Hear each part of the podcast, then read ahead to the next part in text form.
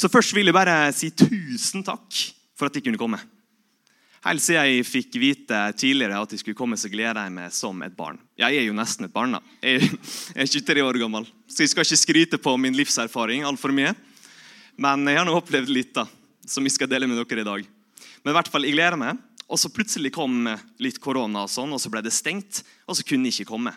Jeg må innrømme å si at jeg ble, jeg ble jo skuffa, men da fikk jeg privilegiet å glede meg enda mer til å komme tilbake. Så det er jo alltid noe positivt. sant? Der kom positiviteten fram. Det er nydelig.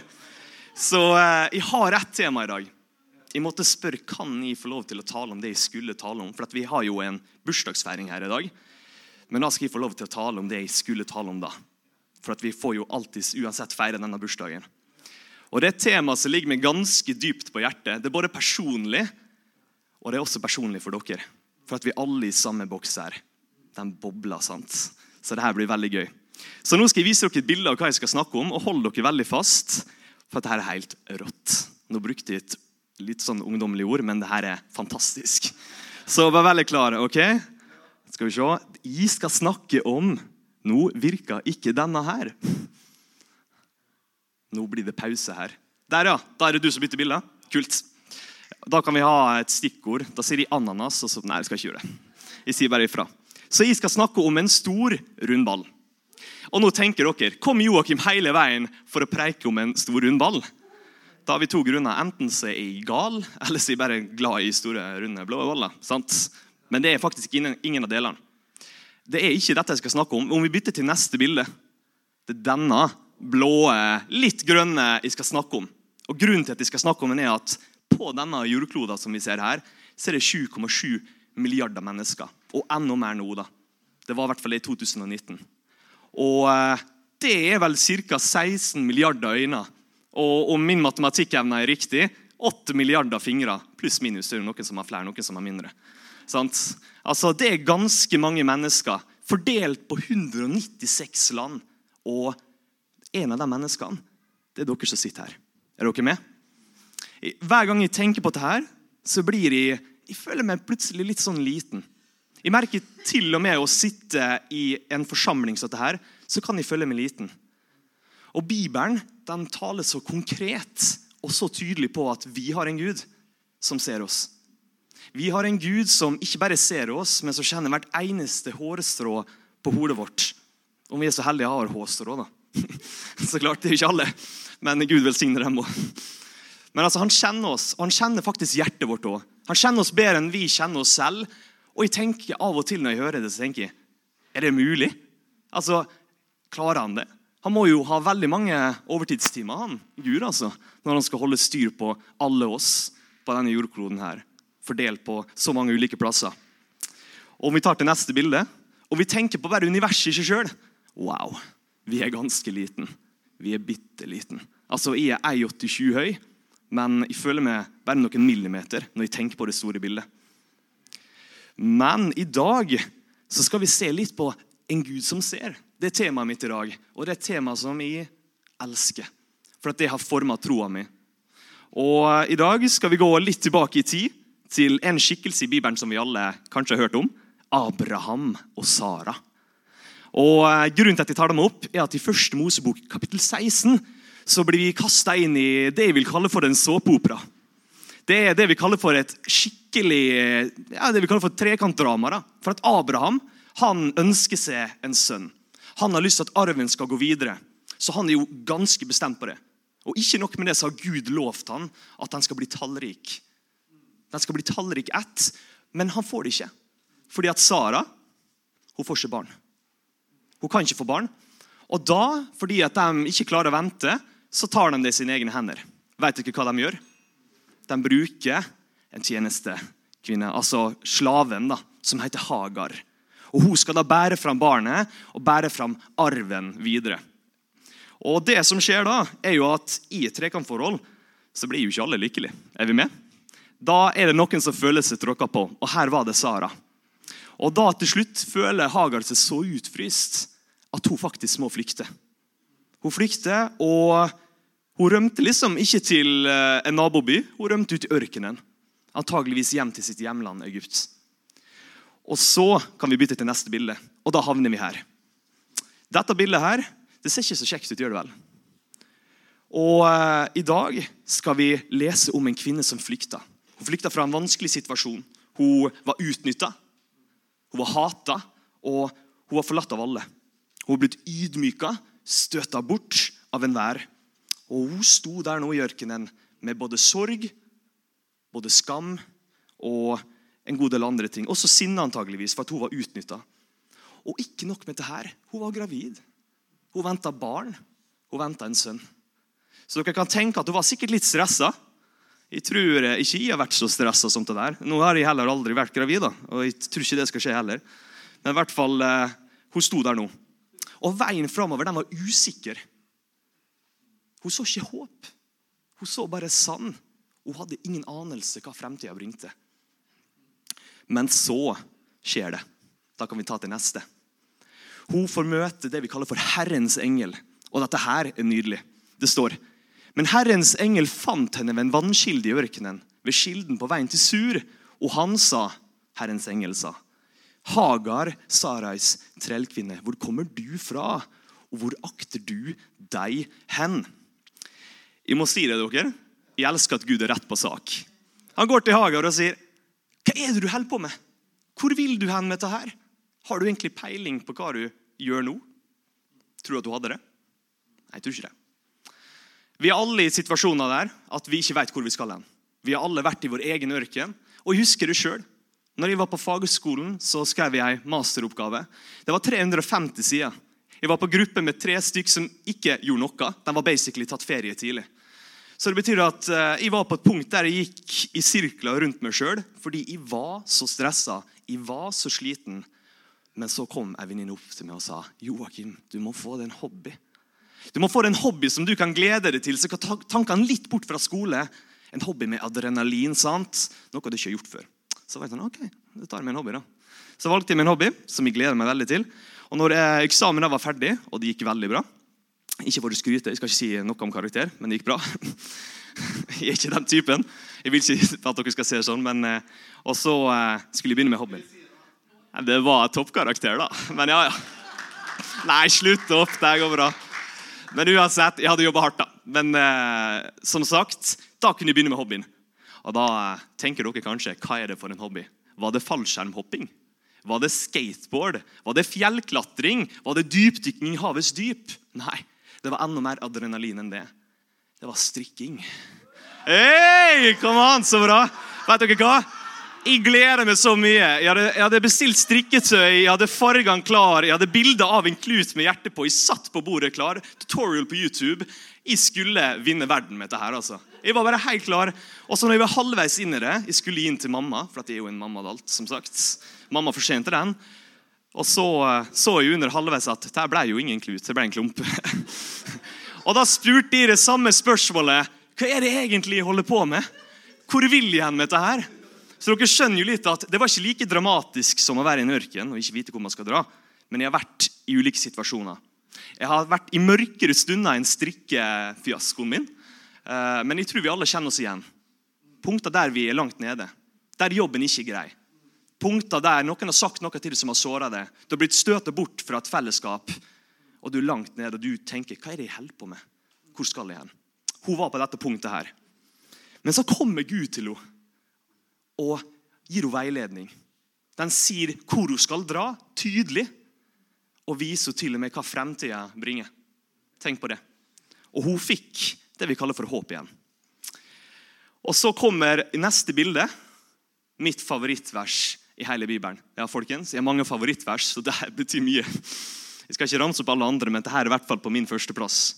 Og eh, her står det, da Etter møtet med engelen står det i kapittel 16, vers 13. Da satte hun dette navnet på Herren som hadde talt til henne. Du er en Gud som ser meg.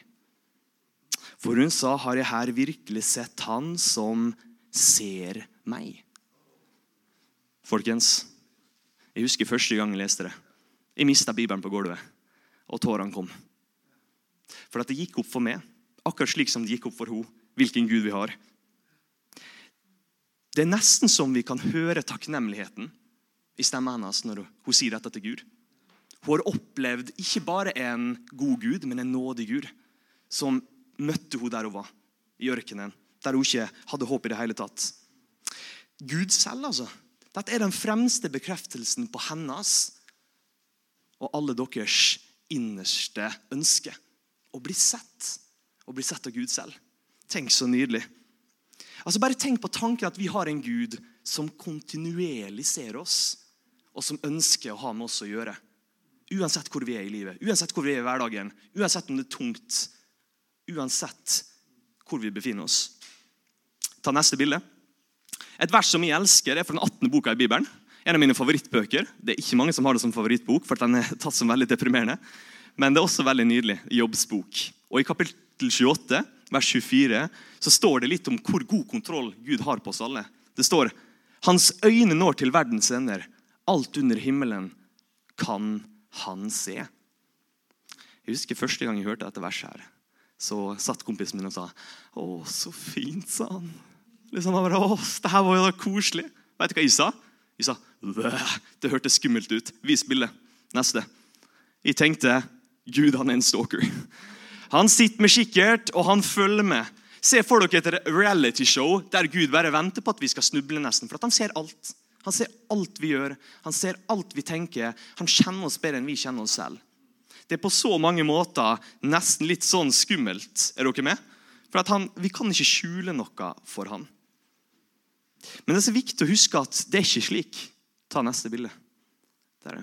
Det er ikke slik det er. At Gud ser oss at Gud alltid på en måte kontinuerlig vet hvor vi er. Det betyr at Guds gode blikk er festa på alle dere. Det er ikke et kjølig og kaldt registreringsblikk jeg snakker om. Ikke på noen måte. Det at Gud ser, betyr at han oppsøker dere. At han kommer med veiledning, og at han kommer med håp. Er ikke det nydelig? Håp er noe nydelig.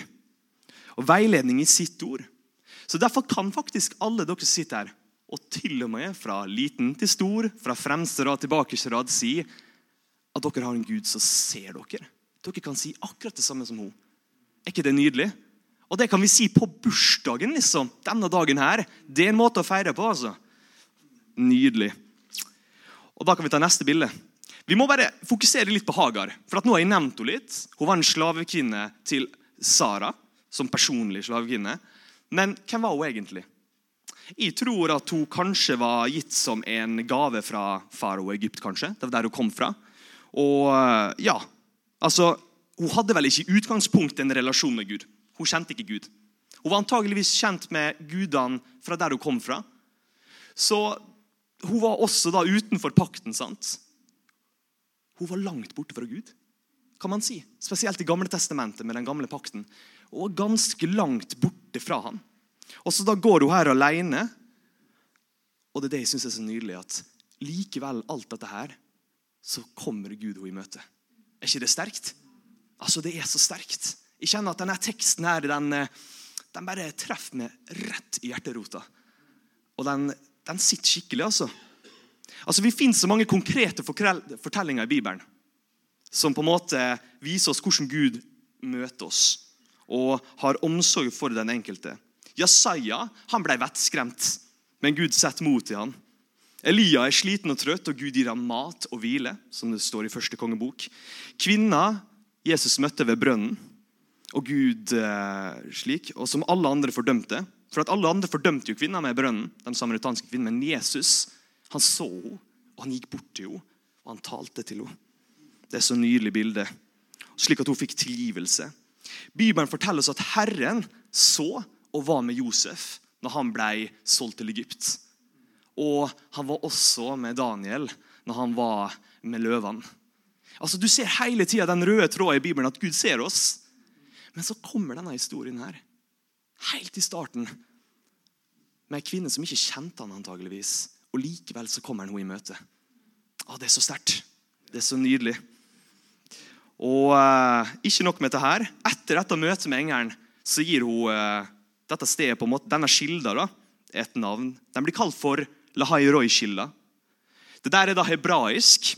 Og nå tenker dere skal Joakim late som han kan hebraisk. Jeg kan ikke hebraisk. Uh, jeg googla det ganske fort opp. Jeg har ikke så god tid. Men I wish. Men i hvert fall, ordet se ligger i navnet. Ordet se ligger i navnet, Men det betyr ikke kaste blikk på. Det betyr se med omsorg og omtanke. Er ikke det nydelig? Ikke overvåka, men verna. Ikke med sjekkliste, men med veiledning og håp.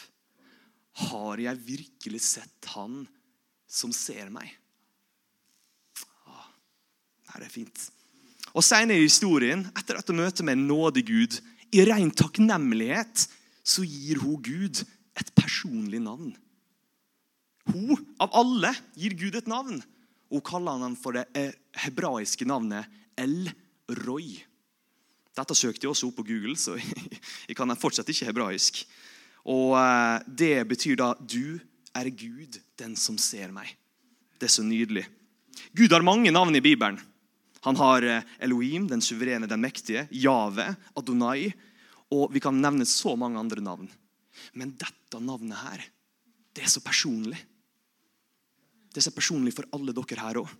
For at han ser dere like mye som han så henne. Og eh, en hendelse som dette, der den største av dem alle Gud så den minste av dem alle Hagar.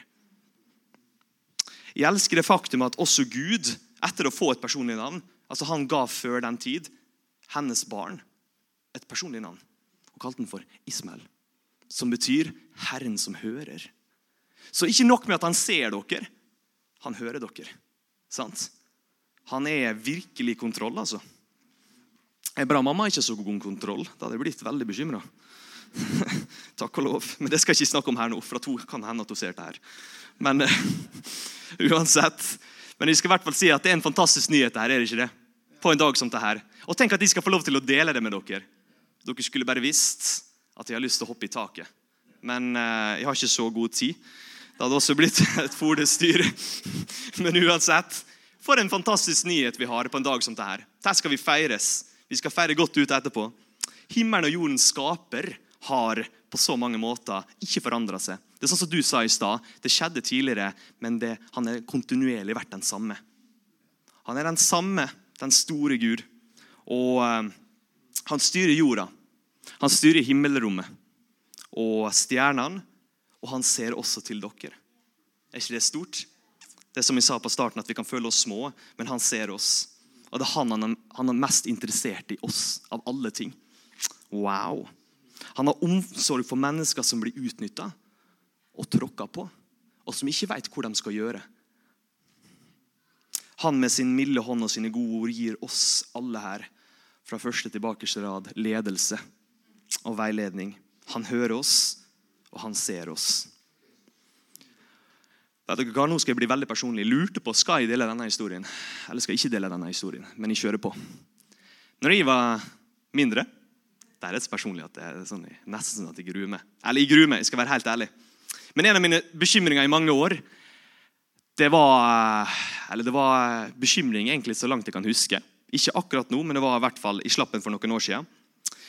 Så det er noe som har skapt så mange stressfulle øyeblikk i livet mitt. Det har fått svetten til å renne, pulsen til å øke. Det har skapt tårer, det har skapt sorg. Det har gjort så mye med meg. Og det er faktisk, På et punkt så var det noe av det mest fryktinngytende jeg hadde i livet mitt. Vet dere hva det var? Det fryktinngytende matematikkfaget. Er det sant? Jeg var ikke glad i matematikk. Jeg glemmer bare aldri matematikktimene. Mens alle andre hadde kontroll på hva de gjorde, så satt de og så på matematikkboka som om det var ja, det kunne like gjerne være en kinesisk roman. liksom. Altså, Jeg forsto ingenting. Absolutt ingenting. Og når læreren kom inn i klasserommet, så var det som om han tok bare fullt av tall i en mikser, slo dem på og kasta det på kateteret. Og Etter hver time så endte det opp at de satt der, og jeg følte meg helt verdiløs. For at de forsto ingenting. Jeg forsto ikke det alle andre klarte å forstå. Tror dere det er sårende? Ja, det er veldig sårende. Og jeg husker det. Og det var ingen som hjalp meg, følte jeg. Jeg følte at det var ingen som så meg. Helt til vi fikk en lærer, en ny lærer i matematikk. Og jeg husker Første dag han kom inn i rommet, så følte jeg meg at det her var noe med den læreren liksom, som var annerledes. Og Før jeg visste ordet av det, så uh, hjalp han meg. Og jeg ble flinkere. Altså, Jeg ble ikke et geni, det skal jeg ikke skryte meg på, men jeg ble flinkere, og jeg begynte faktisk å like faget av alle ting. Noen år seinere gikk jeg gjennom eh, den ene gata i Molde. holdt jeg på å si. Det er ikke så mange gater. Men uansett, jeg gikk gjennom gata, og så ser jeg plutselig noe på sideblikket mitt, og jeg snur meg, og det er læreren. Mange år seinere. For dette var jo på ungdomsskolen. Og jeg registrerer å løpe over gata. sant? Jeg hoppa over to-tre biler. Jeg ble sikkert nesten påkjørt, men her er jeg. Og eh, jeg hoppa foran han med store øyne. Jeg så han inn i øynene så sa jeg, 'Kjenner du meg igjen?' Jeg er sikker på at han var livredd. Han var sikkert på vei etter lommeboka si, for han liksom tenkte 'Hvem er han karen her?'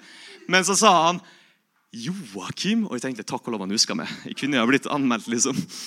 Og så så han på meg. 'Så klart de husker det', sa han. Og jeg kjente det varme i hjertet mitt allerede da. Han huska meg. Og så sa jeg 'Jeg må takke deg for alt du har betydd for meg'. Han så nesten helt sjokkert ut. Han visste ikke at jeg var så takknemlig. Og så sa jeg bare du hjalp meg på skolen i så høy grad, og her er jeg i dag. Og det har mye til takke for det. Min selvtillit. Og så så han på meg, og så sa han noe jeg aldri kommer til å glemme. Vi så på hverandre der, vi sto midt på gata. liksom. Folk gikk jo forbi, men vi var helt kobla på hverandre. Og så sa han, 'Jeg så deg alltid.' Jeg så hvor flink du var. Jeg så potensialet ditt. Jeg så deg alltid. Nett slik som Hagar opplevde, så ble jeg opplevd å se, blitt sett av noen andre. For at, Har ikke tenkt på det? Det å bli sett er faktisk et av de mest grunnleggende behovene dere alle har. På så høyt grunnlag må jeg også si at det kanskje er et av de viktigste. Finnes det noe finere enn det å bli sett av hverandre? Gjør det det? Altså, jeg må si at Det er hvert noe av det beste jeg vet. Det at noen virkelig oppdager at vi er til. At noen tar oss ut av folkemengden og sier at 'jeg ser det, og du har verdi'. Det er godt å ha det her. Altså, det er, det er nesten som noe skjer i oss. Det er som om ei elv åpner seg opp, og en glede strømmer frem. Det er som om vi blir rakere i ryggen, at vi blir sterkere, at vi på så mange måter blir vakrere, slik som Gud ønsker at vi skal være. Og Det å bli sett av andre mennesker i en kristen forsamling som dette jeg gjentar, i en kristen forsamling som dette er kjempeviktig. At ikke vi bare går inn i døra og tenker at jeg skal møte den og den personen som jeg kjenner, og de andre som ikke er interessert i, dem kan ha det så godt. Vi må se alle rundt oss og prøve og Om vi fordeler på dette ansvaret, så slipper én person å måtte se alle. Og da kan vi faktisk nå alle og enhver. Tenk på det. Men så ofte er det litt sånn at når vi ser noe vi ikke liker hos hverandre, så pusher vi dem bort. Eksempel Om Ellen her ser at Joakim har ei svart dongeribukse, kan umulig ha noe med han å gjøre. liksom. Eller, ja, Eller, at noen ser at den personen heier på Liverpool, kan umulig ha noe med han å gjøre. Eller den personen har en slik historie bak seg, og jeg har ikke lyst til å ha med den å gjøre at det blir sendt dømmende blikk som gjør at vi faktisk ikke bare ikke ser hverandre, men vi pusher hverandre bort. Jeg må bare si vi ser ofte på det ytre, men Gud, han ser mye lenger enn det. Ta neste bilde. Ja, det var klasserommet. Uansett der. For Herren ser ikke slikt et menneske ser, for mennesket ser på det ytre, men Herren ser til hjertet. Er det nydelig? Han ser til hjertet, folkens. Tenk så nydelig om vi kunne prøve på det samme. Altså, Han ser til mitt hjerte, og han ser til alle deres hjerte. Han kjenner det fullt ut, som vi sa i stad. Han kjenner det bedre enn vi kjenner det selv. Og Det er på mange måter både alvorlig og befriende på altså samme tid. Alvorlig på den måten at vi kan ikke skjule noe for Gud. Vi kan ikke skjule den gangen vi såra den personen. Vi kan ikke skjule den gangen vi baktalte den personen. Sant? Vi kan ikke skjule den gangen vi snubler. Eller for å være helt ærlig, de gangene vi snubler. For vi alle snubler ganske mange ganger. Sant? Vi er ingen perfekt, og han ser alt. Men befriende på den måten at uh, vi har en frelser å gå til med alt som ikke har mål. Og når jeg sier alt, så mener jeg alt. 110% 110,7% bare for å være enda mer crazy her. Altså alt kan vi gå med han, men vi må sjøl legge det framfor han. Det er ikke våre prestasjoner i hverdagslivet som gjelder. Det er ikke status, det er ikke utseende, det er ikke penger. det er ikke jobb, det er ikke karakterer på skolen, slik som vi hadde matematikk, som gjør at vi er sett og elska. Og selv om vi dummer oss ut flere ganger enn vi kan holde tellinga på, så vil ikke han snu ryggen til oss. Og hør godt etter når jeg sier det her. Han ser oss alltid. Han hører oss alltid. Han vil alltid møte oss, og vi har muligheten til å møte han. Husk på det når dere går ut dørterskelen i dag og skal feire dagen. Kan vi ta på neste vers? Dere skal søke meg og finne meg når dere søker meg hele deres hjerte. Gud ser til hjertet vårt. Da er det jo helt naturlig at han ønsker at vi skal søke han med det samme. sant? Oppriktig og ydmykt søke han. Og nå tenker dere kanskje Nå kan vi bytte bilde. Nå tenker kanskje dere ja, ja, Joakim, nå har du snakka mye om Det gamle testamentet, og ja, ja, du har gått ganske dypt i materien. Men hva med Det nye testamentet? Hva med Jesus? Det er så godt å kunne si med oppriktighet at en Gud som ser, strekker seg som en rød tråd fra Det gamle testamentet og hele veien til Det nye testamentet. Jesus han er et fantastisk eksempel og det beste eksempelet på hvordan man skal se andre og oppriktig bry seg om en alle og enhver. Han behandla på en måte alle med den samme respekten, selv om han så klart eh, var uenig med så mange som vi får høre i evangeliet. Men uansett, Han hadde en slags respekt. Jesus han så mange. Han så alle. Da han gikk på jorda, så brydde han seg om enkeltpersonene. Du har kanskje hørt navnene før. Tolleren Sakkeus. Fariseeren Nikodemus. Den stinkende fiskeren Peter. Jeg liker at de later stinkende, men stinker sikkert. Søstrene Martha og Maria som var så forskjellige.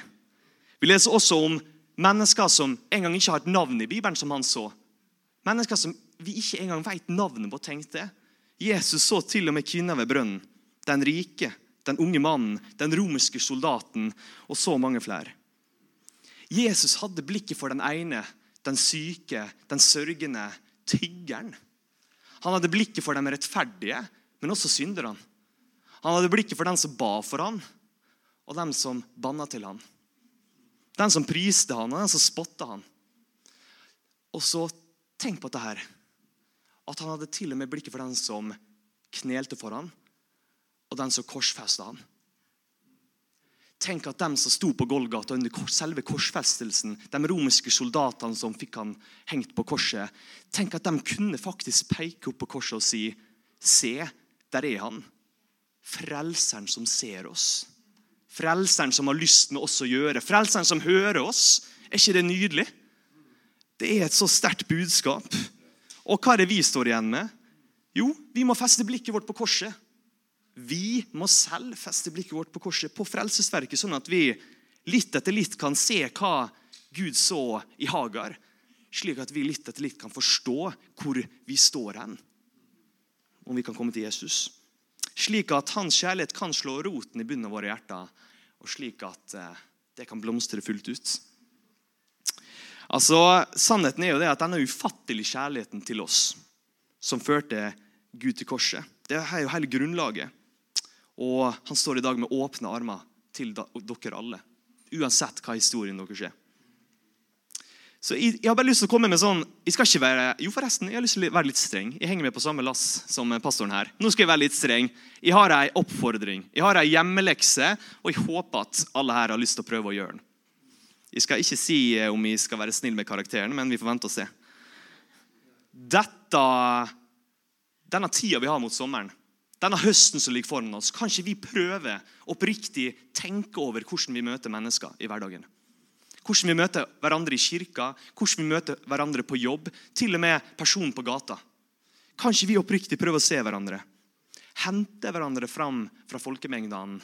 Gjøre hverandre tydeligere, som vi sa, sterkere. Slik at vi kan få enda mer rakere rygger.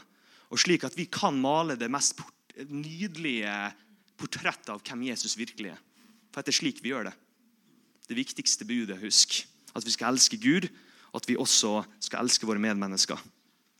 Så Da skal jeg slutte med en uh, liten sang som jeg har uh, på neste bilde her. Tror jeg. Jeg håper jeg har det. Der, ja. Takk og lov.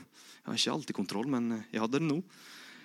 Dette er en sang som jeg husker første gang jeg leste. Det traff meg i hjertet. Skulle ønske jeg fikk se meg slik som Gud ser meg, i Jesus Kristus. At jeg fikk et glimt av hvor rik jeg er i Jesus Kristus. Det som var vinning, ser jeg som tap. Og det som er rikdom, blir bare skrap. Mot det å kjenne Jesus Kristus. Det er nydelig. Kan vi be sammen? Ja, nydelig. Kjære, kjære, kjære himmelske Far. Kan ikke jeg bare takke deg for at vi kan samles her endelig på en gudstjeneste?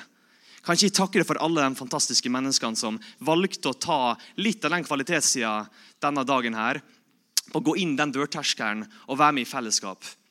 Der vi kan høre ditt ord bli forsynt. Der vi kan ta del i dette fellesskapet med Den hellige ånd. Jeg bare takker deg for den tida framover. Jeg takker deg for at uansett hvor vi har vært i livet, uansett hvor langt nede vi har vært, uansett om vi har hatt sorg, vi har hatt angst, uansett om vi har hatt sinne mot noen, uansett hvor mye vi har snubla, så er du en Gud som ser, og du er en Gud som hører, og du er en Gud som alltid står med åpne armer for å ta oss imot. Du er Elroy, den Gud som ser meg.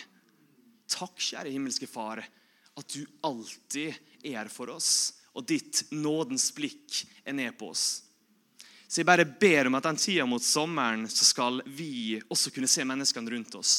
Jeg ber om at du skal hjelpe oss å ta folk ut av folkemengdene. Jeg ber om at du skal hjelpe oss til å oppmuntre hverandre, akkurat slik de gjorde når uh, urkirka vokste. Slik som apostlene er med på, slik som disiplene. Jeg bare ber om at vi kan bygge et enda bedre grunnlag på det, Jesus. Så bare takker jeg for alle som kom i dag. og... Uh, så bare gleder vi oss til at vi kan feire denne dagen fullt ut. Både hoppe og danse på bordet, om vi får lov, så klart. Og kunne ha en velsigna dag videre. Men igjen, vi priser ditt navn, kjære himmelske Far, for at du ga oss alt. Du ga oss Jesus. I ditt navn. Amen.